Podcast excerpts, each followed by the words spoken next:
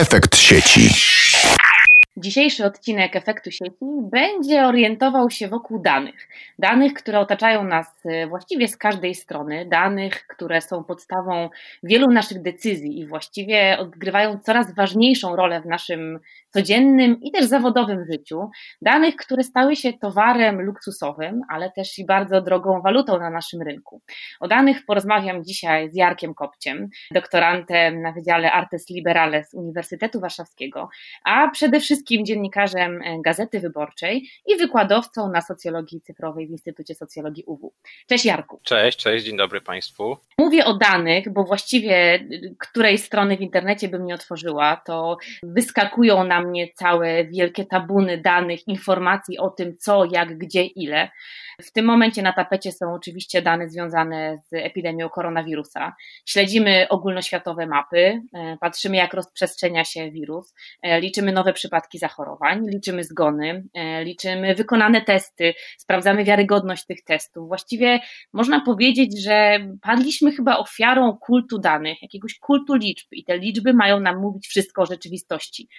Powiedz mi, co jest takiego kuszącego w twardych danych, tych właśnie liczbach, które tak skrzętnie nie gromadzimy, że właściwie dzisiaj stają się one swego rodzaju, nie wiem, fetyszem można powiedzieć, czy jakimś takim naprawdę złotym runem naszego dzisiejszego społeczeństwa. Ja mam wrażenie, że ta kultura danych po pierwsze wzięła się w ogóle z gospodarki cyfrowej, to znaczy e, żyjemy w sytuacji, w której wszędzie nam się tłumaczy, że takim najbardziej wartościowym dobrem, które w ogóle możemy mieć do dyspozycji są dane. Obserwujemy gargantuiczne biznesy budowane na czymś innym niż dawniej, to znaczy nagle okazuje się, że można założyć jedną z największych firm e, na świecie, która w zasadzie nie obraca żadnymi materialnymi rzeczami, tak? Obraca informacją pod postacią danych, więc po pierwsze to jest taki, taki sygnał z rynku, e, a z kolei z perspektywy dziennikarskiej czy, czy opowiadania o rzeczywistości, to dane są takim nowym trochę rodzajem treści, który naszych czytelników interesuje. To znaczy, wtedy, kiedy te dane stają się dostępne, kiedy mamy poczucie, że dane mogą stać za różnymi elementami rzeczywistości i są coraz bardziej precyzyjne, tak? To bo jeszcze niedawno nie byliśmy mhm. w stanie gromadzić i przetwarzać tak bardzo precyzyjnych danych na wiele tematów, no to dzisiaj one się stają naturalnym tematem zainteresowania dziennikarzy i e, różne media na świecie powołują takie zespoły, które będą jakoś w stanie te dane sobie wykorzystywać, przetwarzać i interpretować e, i nawet tak trochę żartobliwie mówimy o tym, że dziennikarstwo danych to jest taka albo socjologia, albo w ogóle nauki ilościowe, tylko na deadline, tak? Czyli E, czyli to jest próba mhm. wykonywania analiz e, własnym sumptem i we własnych e, zespołach, które będą dostarczane w trybie powiedzmy newsowym.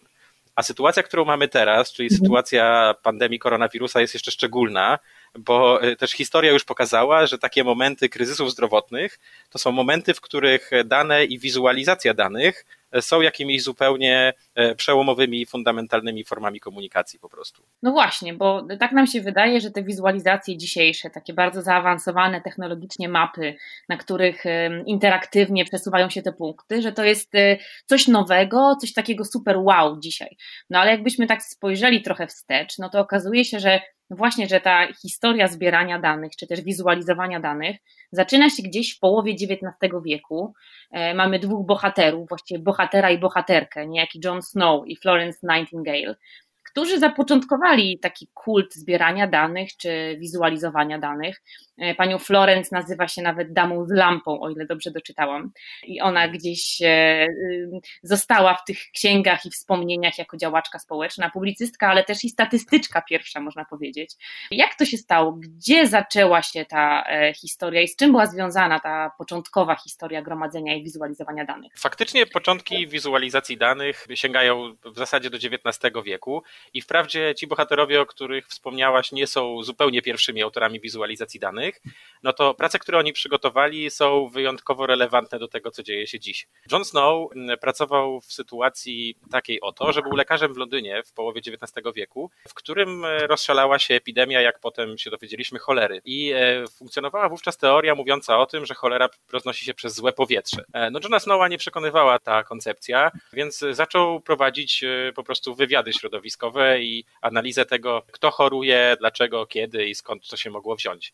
E, swoje obserwacje nałożył na mapę fragmentu Londynu, gdzie oznaczył jakby miejsca występowania choroby i potem ustalił, że prawdopodobnie źródłem cholery jest jedno z ujęć wody w okolicy. Nie byliśmy w stanie zupełnie mhm. precyzyjnie zweryfikować, czy miał rację, bo jakby epidemia ustąpiła, ale nie wiemy dokładnie dlaczego, bo tam ludzie uciekali z tego miejsca w międzyczasie, E, być może też źródło choroby, która przesączała się do, do ujęcia wody, wygasło wcześniej, ale mamy taki klarowny przykład wizualizacji danych i w ogóle danych w epidemiologii e, jako, jako sposobu, sposobu zrozumienia, jak działa taki kryzys e, zdrowia publicznego. I teraz, kiedy rysujemy mapy transmisji koronawirusa, no to robimy coś w gruncie rzeczy podobnego, to znaczy, zwłaszcza w początkowej fazie pandemii, no bo teraz już jesteśmy w trochę innej sytuacji, tak? To znaczy, teraz już jakby transmisja jest troszeczkę na drugim planie e, takiego publicznego zainteresowania, ale na początku śledziliśmy przede wszystkim to, którędy ten wirus się przenosi. Robiliśmy mapy, mhm. ja sam pracowałem przy materiale, w którym próbowaliśmy ustalić, którymi ścieżkami najwięcej osób e, przedostaje się z Chin i z poszczególnych regionów Chin do poszczególnych miejsc w Europie. I to jest jakby to, co robimy, my i inne redakcje danowe na świecie, no to jest trochę, idziemy krokami Johna Snowa, E, polecam serdecznie wyszukanie sobie grafik Johna Snowa, jego mapy cholery w internecie. To jest, e, znaczy, bo kartografia i wizualizacja danych ma jeszcze te zalety, że ma po prostu nieodparty urok taki estetyczny. Na to się bardzo przyjemnie patrzy e, i polecam obejrzeć sobie mapę Johna Snowa, bo to jest taki piękny przykład jakiegoś takiego dążenia do zapanowania nad taką skomplikowaną rzeczywistością przy użyciu bardzo prostych środków graficznych. 1854 rok, więc to jest urok XIX-wiecznej kartografii, ale na pewno tak. E, miło się na to patrzy. Tak, ale jeśli spojrzy się na współczesną kartografię taką dziennikarską, to bardzo łatwo zauważyć, że wiele takich nawet decyzji estetycznych i taki minimalizm i prostota reprezentacji trzyma się dalej. To znaczy takie mapy, jakie dzisiaj robi New York Times czy Washington Post, w moim odczuciu są nie tak daleko od tego, jak w XIX wieku robił to Jon Snow. A druga postać to jest mhm. Florence Nightingale e, i Florence Nightingale znowu pracowała jakby w obszarze zdrowia publicznego, to znaczy Florence Nightingale e, wróciła z wyprawy w okolice wojny krymskiej, wróciła podłamana, zobaczywszy to, co tam się dzieje, jak umierają żołnierze, jak dzieje się po prostu kryzys, kryzys zdrowotno-humanitarny. No ale ponieważ miała od młodości zacięcie matematyczne, to przeanalizowała to, co się tam działo w sposób właśnie taki ilościowo-analityczny i opublikowała pracę zawierającą wizualizację danych dotyczących przyczyn zgonu żołnierzy. I pokazywała, jak ogromny udział w śmierci żołnierzy na froncie ma nie to, że zabije ich ktoś na froncie, tylko umierają potem w szpitalach z braku higieny, z chorób towarzyszących i ze wszystkich innych dodatkowych powodów, które, które nieraz są groźniejsze od, od kul czy ostrzy. Co więcej, Florence Nightingale jakby dalej, jakby pamięć o niej jest kultywowana między innymi w taki sposób, że Międzynarodowe Towarzystwo Wizualizacji Danych wydaje periodyk, który nazywa się Nightingale, E, i ona dalej jest jakby patronką, e, patronką tego towarzystwa. I to są dwa przykłady XIX-wieczne, ale kiedy patrzymy na to, jak dzisiaj redakcje danowe opisują to, co się dzieje z koronawirusem, to jesteśmy w stanie bardzo dobrze wskazać pokrewieństwa. No bo dziennikarstwo danych w takiej sytuacji takiego masowego kryzysu zdrowotnego, jaki mamy teraz, no jest po prostu, ma naturalne narzędzia do tego, żeby się tym zajmować. No dobra, mówisz o różnych zasobach i możliwościach wyciągania wniosków z danych, o szukaniu przyczyn, na przykład kryzysów epidemiologicznych, czy, czy to cholery, czy na przykład koronawirusa teraz, ale są też pewnie jakieś ograniczenia, które stoją za gromadzeniem, przechowywaniem, ale też analizowaniem takich dużych zbiorów danych. No na pewno nie wszystko jest takie proste, jak na pierwszy rzut oka nam się wydaje, no, a po drugie wyobrażam sobie, że jest to fantastyczna przestrzeń do rozmaitych nadużyć i manipulacji. No bo jeśli mam nieograniczone strumienie danych, to pewnie stosunkowo niezauważalnie mogę usunąć kawałki na przykład z tych strumieni i w ten sposób uzyskać dane, które będą potwierdzały jakąś moją tezę, niekoniecznie prawdziwą. Czy są jakieś inne ograniczenia albo ryzyka związane z takimi e, dużymi e, korpusami danych? Ograniczeń i problemów, które się wiążą z taką pracą, jest absurdalnie dużo. E, one wynikają z bardzo wielu różnych rzeczy. Jedna z nich jest taka, że dziennikarz czy analityk e, rzadko kiedy jest w stanie zebrać te dane samodzielnie. Zazwyczaj musi je od kogoś wziąć e, i ten ktoś musi je zbierać odpowiedzialnie i ich nie fałszować. Często weryfikacja danych, które są jakby punktem wyjściowym naszych analiz, jest bardzo trudna. I e, o ile w niektórych dyscyplinach jakby standardy zbierania danych są usystematyzowane, czyli na przykład zestawem danych są wyniki sondażu wyborczego, no to mamy pewne normy tego, jak taki sondaż powinien być prowadzony, mamy tam towarzystwo, które się zajmuje kontrolą tego, w jaki sposób poszczególne pracownie robią sondaże i tak dalej, no to tam to jest jeszcze względnie proste.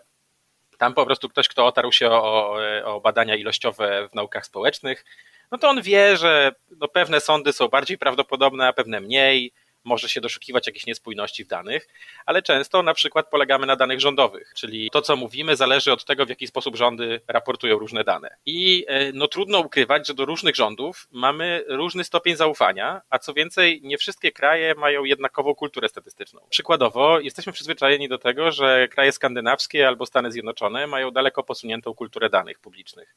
Czyli w tej chwili mogę dwoma kliknięciami pobrać bardzo czytelną, dobrze opracowaną bazę danych na temat zachorowań na COVID-19 w Stanach Zjednoczonych w rozbiciu na hrabstwa e, czy na okręgi metropolitalne w bardzo dobrej jakości. Te dane są na bieżąco weryfikowane i wszystkie redakcje z nich korzystają. E, I to jest jakby doskonała reprezentacja tego zjawiska, no i ufamy, że to jest w porządku. No podobnie myślimy o nie, Norwegii, mhm. E, ale znowu pojawiają się problemy dotyczące w przypadku koronawirusa akurat testowania, to znaczy liczby wykrytych zakażeń są dość mocno powiązane z tym, jak szeroko się testuje populację.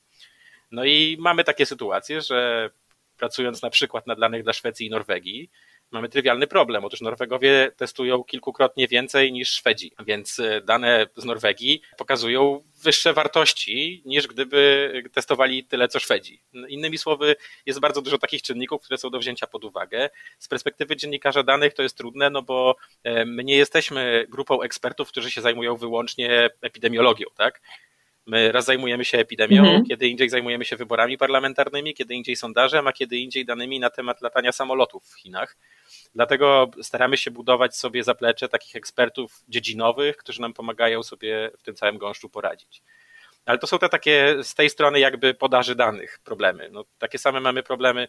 Bardzo ochoczo korzystamy z danych dostarczonych przez Facebooka i przez Google'a, natomiast to są dane regularnie zupełnie nietransparentne. Google publikuje Mobility Report, czyli raporty, które mówią o tym, w jakich miejscach ludzie się przemieszczają. One teraz są dla nas bardzo przydatne, bo mówią nam o tym, czy na przykład y, obywatele, mieszkańcy różnych miast chodzą do sklepów pomimo lockdownu. E, I te dane są dla nas bardzo ciekawe, no mhm. ale Google najwyraźniej zakładają, że e, nie muszą wyjaśniać, jak te dane dokładnie zbierają i jak je przeliczają, no bo zaufajcie, jesteśmy Google, nie, nie, nie musimy się spowiadać z metody. No i to są tego rodzaju problemy. E, polski rząd jest tutaj w ogóle jeszcze z innego poziomu problemem, bo, bo prawda jest taka, że jakość danych na temat epidemii, które płyną ze strony polskiego rządu, jest tak niska i tak niewiarygodna, że na dobrą sprawę my nie jesteśmy w stanie porównywać sytuacji w Polsce z sytuacją gdziekolwiek indziej. E, tam jakby błędy kancelaryjne polegające na tym, że ktoś gdzieś źle przepisał liczby z tabelki do tabelki i w świat poszły złe dane, to jest w ogóle najmniejsze ryzyko, które, e, które tutaj wypływa. To znaczy mamy bardzo niski poziom zaufania do danych od polskiego rządu. Ale druga sprawa jest taka, że dane też trzeba pokazać, to znaczy trzeba wyjaśnić, co z nich wynika, no i my najczęściej sięgamy, znaczy często sięgamy po wizualizację. I to jest oddzielny obszar, w którym E, jest tysiąc sposobów na to, e, żeby okłamać. To znaczy poprawne dane pokazać tak, żeby e, nimi zamanipulować. Tych sposobów są setki i uwielbiają je wszystkie możliwe instytucje, często robią to też nieporadnie. To jest problem polegający na tym, że dane też trzeba umieć pokazywać i brać dużą odpowiedzialność za to, jak są przedstawione. I to jest duże ryzyko. To znaczy, ktoś wiarygodny, powielający zafałszowany sposób przedstawienia danych, robi bardzo dużo szkody. To jak nie dać się złapać w taką pułapkę, jak taki zwykły zjadacz chleba, który nie jest Jarkiem Kopciem, ekspertem od danych i nie pracuje w renomowanej redakcji i nie zajmuje się analizą danych, e, jak taki czytelnik na przykład zmanipulowanej tabelki ma zorientować się w tym i połapać, że coś jest nie tak z tymi danymi. Czy mamy jakieś w ogóle sposoby weryfikowania tych danych, które czytamy, które do nas trafiają? My jako zwykli użytkownicy. Najprostsze wskazówki są są bardzo proste, tak? Znaczy, pierwsza rzecz, patrzymy na źródło. Z reguły najlepiej spróbować, e, jeśli jakieś dane są szczególnie interesujące, to zazwyczaj pisze o nich więcej niż jedna redakcja. Warto spojrzeć, jak napisał ktoś inny. Jeśli czytamy dane o bezrobociu, to wpiszmy wyszukiwarkę internetową dane, bezrobocie, raport i dodajmy tytuł jakiejś renomowanej gazety. Być może tam znajdziemy inny materiał, który potwierdzi te informacje i po prostu okej, okay, to widocznie, widocznie z dużym prawdopodobieństwem tak jest. Druga rzecz, na którą patrzymy, to źródło. E, jeśli nie jesteśmy ekspertami, to polegajmy na źródłach, które nam coś mówią. Jeśli źródłem jest Główny Urząd Statystyczny, e, Ipsos, Kantar, duża firma badawcza, no to, no to możemy założyć, że one przynajmniej do pewnego stopnia są, są wiarygodne i poprawne. Jeśli jakieś dane gdzieś opublikowane są bez źródła, to znaczy po prostu ktoś narysował wykres i nie napisał skąd wziął cyfry, zachowajmy ostrożność. Ale zakładając, że dane są przynajmniej z porządnego źródła, ale e, dziwne nam się wydają e, rzeczy, które tam widzimy, to znaczy jakieś zupełnie niespodziewane wnioski, no to sugeruję przede wszystkim skupić się na tym, żeby skrupulatnie przeczytać tytuł. Tytuł i podpis wykresu zazwyczaj ujawniają e, bardzo wiele. Jeśli coś na przykład jest wykresem śmiertelności, co teraz jest jakby stosunkowo popularnym tematem, to należy po prostu wyszukać sobie słowo śmiertelność i nawet przeczytać jego definicję na Wikipedii, bo zdziwilibyśmy się, jak bardzo dziwaczne wykresy powstawały kilka miesięcy temu, kiedy toczyła się debata nad przekazaniem pieniędzy z budżetu na TVP lub na e, onkologię, jak, jakiego rodzaju e, przeinaczone wykresy publikowała wówczas m.in. Polska Agencja Prasowa, nie rozumiejąc definicji śmiertelności. E, innymi słowy, czytajmy po prostu to, co jest napisane nad kreską i pod kreską. Natomiast wizualizacja danych ma jeszcze dużo więcej takich e, wyrachowanych technik e, manipulowania i to są już takie bardziej specjalistyczne rzeczy, aczkolwiek jeśli ktoś jest zainteresowany i chciałby wyostrzyć swoje oko na takie przypadki, to jedyne co mogę zrobić, to z czystym sercem polecić opracowania książki, artykuły, nawet Twittera Alberto Cairo, takiego światowego eksperta, który zajmuje się wizualizacją danych, który w przystępny sposób wyjaśnia rozmaite techniki manipulacji manipulacji na żywych przykładach. Pokazuje autentyczne przykłady, które spotkał u polityków w gazetach, w telewizji, gdziekolwiek. Na polskim gruncie e, pewnym źródłem informacji jest e, znana i lubiana e, Janina Bąk, która publikuje w internecie jako Janina Daily. Janina umieszcza rozmaite przykłady takich problemów. Prowadzi też grupę na Facebooku, która nazywa się Statystyczne Świry e, i tam e, można przeczytać o różnych tego rodzaju rzeczach, bo ta, ta społeczność też zajmuje się wykrywaniem właśnie takich przeinaczeń w danych i wizualizacji. No, zabrzmiało to jak naprawdę przyjemna recepta na bardzo miłe popołudnie albo i wieczór, e, więc na pewno Jarku weźmiemy do serca to, co nam radzisz i wyobrażam sobie, że dzisiaj nie jeden ze słuchaczy sięgnie wieczorem po Janinę Daily albo inne ze źródeł, które wskazałeś, żeby właśnie wyostrzyć swoje oko i żeby przygotować się na kolejne fale wykresów i wizualizacji, które dotrą do nas jutro, pojutrze i w następnych dniach. E, bardzo Ci pięknie dziękuję. Mam nadzieję, że będzie okazja wrócić jeszcze do tej rozmowy, bo oczywiście miejmy nadzieję, COVID-19 opuści nas szybko, natomiast e, temat danych będzie coraz bardziej aktualny i coraz bardziej potrzebny, żebyśmy jak najlepiej rozumieli to, e, co nas otacza i jakie informacje do nas dochodzą. Naszym gościem był Jarek Kopeć, dziennikarz Gazety Wyborczej, doktorant Instytutu Artes Liberales i wykładowca na socjologii cyfrowej. Dziękuję Ci bardzo, Jarku. Dzięki serdeczne, zdrowia i do zobaczenia. Efekt sieci.